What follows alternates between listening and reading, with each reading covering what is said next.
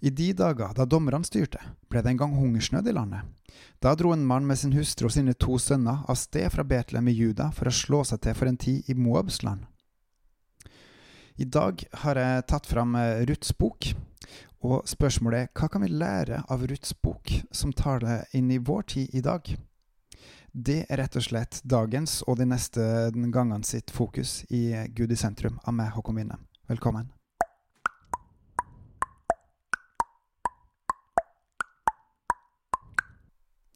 Som det står, så var det en hungersnød i landet Israel på denne tida. Og en hungersnød kan være fysisk, men det går også an å være en hungersnød i Guds rike. For det er mange kristne i dag som ikke tar til seg Guds ord til oss i dag. Som er kristne, eh, men som velger å ikke spise bl.a. Guds daglige brød, eh, det som står i Bibelen. Og dermed så blir det rett og slett en hungersnød blant oss kristne i dag også. Og når det er hungersnød, hva skjer da? Jo, da drar man av sted for å søke ly en annen plass. Da drar man til andre kilder for å få tak i mat. Og er ikke nettopp det som skjer blant kristne i dag også? At vi søker mat som ikke er fra Gud. Vi søker ord som ikke er fra Gud, og følger det istedenfor. Vi leser videre.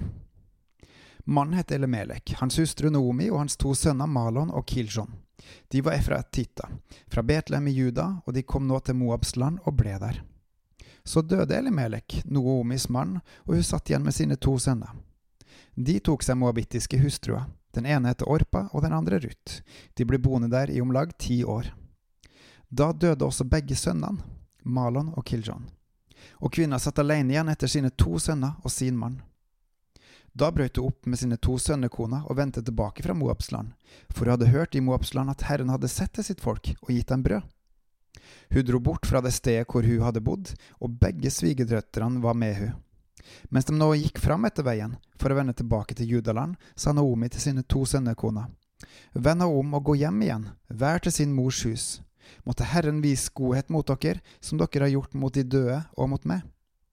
Herren gi at dere må finne et hjem, hver i sin manns hus. Og hun kyssa dem, men de brast i gråt og sa til hun, Nei, vi vil følge deg tilbake til ditt folk. Da sa Naomi, Vend tilbake, mine døtre, hvorfor vil dere gå med meg, har jeg da ennå sønner mitt liv som dere kunne få til menn? Snu om og dra, om, dra hjem igjen, mine døtre. Jeg er jo for gammel til å bli gift, og om jeg tenkte jeg har ennå håp, ja, om all, jeg allerede i natt fikk en mann og så fødte sønner, skulle dere derfor vente til de ble voksne? Skulle dere stenge dere inne og ikke få dere menn? Nei, mine døtre, det er mye bitrere for meg enn for dere, ettersom Herrens hånd har rammet meg så hardt. Legg merke til her at eh, to ting. Det ene er jo at den ene er jo den jødiske skikken med at hvis man gifter seg, så gifter man seg ikke bare med mannen, men man gifter seg med hele hans hus. Og derfor hadde gitt et løfte til hele huset hans. Derfor så valgte Orpa og Ruth å følge med. Og nummer to, hun gir Herren Gud skylda for det som har skjedd. Er det så enkelt? Kan vi vite at all straff er fra Gud? Ja, Gud kan straffe, men kan det ha vært andre ting også? Kan det ha vært noen andre som har vært inne i bildet, som at det bare har vært naturlige årsaker, eller noe annet som har vært inne i bildet som har gjort at dette skjedde? Eller må det ha vært Gud? Da brast de igjen i gråt, og Orpa kyssa sin svigermor og sa henne farvel. Men Ruth klynga seg til henne. Da sa hun, Noomi, du ser din svigerinne vende tilbake til sitt folk og sin Gud. Vend nå du også tilbake, og følg din svigerinne. Men Ruth sa, Prøv ikke å overtale meg til å forlate deg og vende tilbake, for dit du går, vil jeg gå, og hvor du blir, der vil jeg bli. Ditt folk er mitt folk, og din Gud er min Gud. Hvor du dør, vil jeg dø, og der vil jeg begraves. Måtte Herren la det gå meg ille både nå og seinere om noe annet enn døden skulle skille meg fra deg. Det her er et helt enormt sterkt vitnesbyrd og signal om trofasthet fra Ruth, og hun er et enormt forbilde gjennom det her. Hun har gitt et løfte til familien, til Noomi, og hun velger å bli, sjøl om sønnen hennes, mannen hennes, har dødd. Er det ikke sånn trofasthet Gud egentlig ønsker av oss også? At vi skal følge Han på en like sterk måte? At vi skal sette Han først, og så la det andre komme i etterkant? Da Naomi så at hun var fast i sitt forsett om å gå med hun, holdt hun opp med å tale til hun om det. Så gikk de begge videre til de kom til Betlehem. Og da de kom til Betlehem, kom hele byen i bevegelse for deres skyld. Kvinnene sa, Er dette Noomi? Da sa hun til dem, Kall meg ikke Noomi, kall meg Mara, for Den allmektige har gjort det meget bittert for meg. Noomi betyr ynde, mens eh, Mara betyr besk, bitter.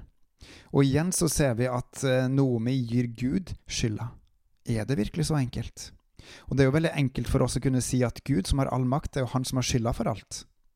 Men allikevel veit vi sikkert at det er Gud. Kan det ikke vært noen andre, kan det ikke vært noen tilfeldigheter som har gjort det? For Gud har jo gitt oss en fri vilje til å velge sjøl. Hvert menneske skal sjøl få lov til å velge hva vi vil gjøre. Og så har vi i tillegg også djevelen, motstanderen. Noomi fortsetter med å si, Med fulle hender dro jeg bort, men med tomme hender har Herren latt meg vende tilbake. Hvorfor kaller dere meg Noomi når Herren har vitna mot meg, og Den allmektige har latt det gå meg ille? Det som også må legges til, er at vi ser at hele tida har Noomi en fast tro på Herren. Hun vet at Gud er allmektig, så hun stiller ikke spørsmål med hva Gud har gjort, men hun gir Gud ansvaret for det. Og samtidig, hun tror. Og tydeligvis har også hennes tro påvirka Ruth, for Ruth virker også til å tro. Siste vers i kapittel 1. Så kom da Naomi tilbake med sine sønnekone, moabittkvinna Ruth. Hun var vendt tilbake fra Moabs land, og de kom til Betlehem i begynnelsen av bygghøsten. Så hva kan vi lære av dette? Igjen hvis vi går tilbake til hungersnøden. Det finnes en fysisk hungersnød, men det finnes også en hungersnød i Guds rike. En hunger etter å kjenne Guds ord og følge Hans ord, på å følge Han gjennom det Han sier der, det Han lærer oss opp gjennom der. For alt det som Gud påstår gjennom Bibelen, er jo sant. Og vi, vi trenger jo faktisk å få Ruth sin trofasthet, standhaftighet, inn i våre liv overfor Gud. Og kanskje skal vi rett og slett omformulere vers 16, Ruth sitt svar til Naomi, til Gud, og si det til Han i stedet.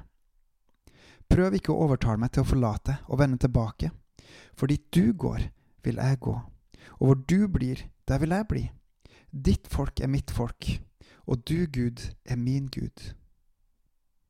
Les i Bibelen Guds ord, og sammenvoks med hverandre. Bebels og på gjenhør.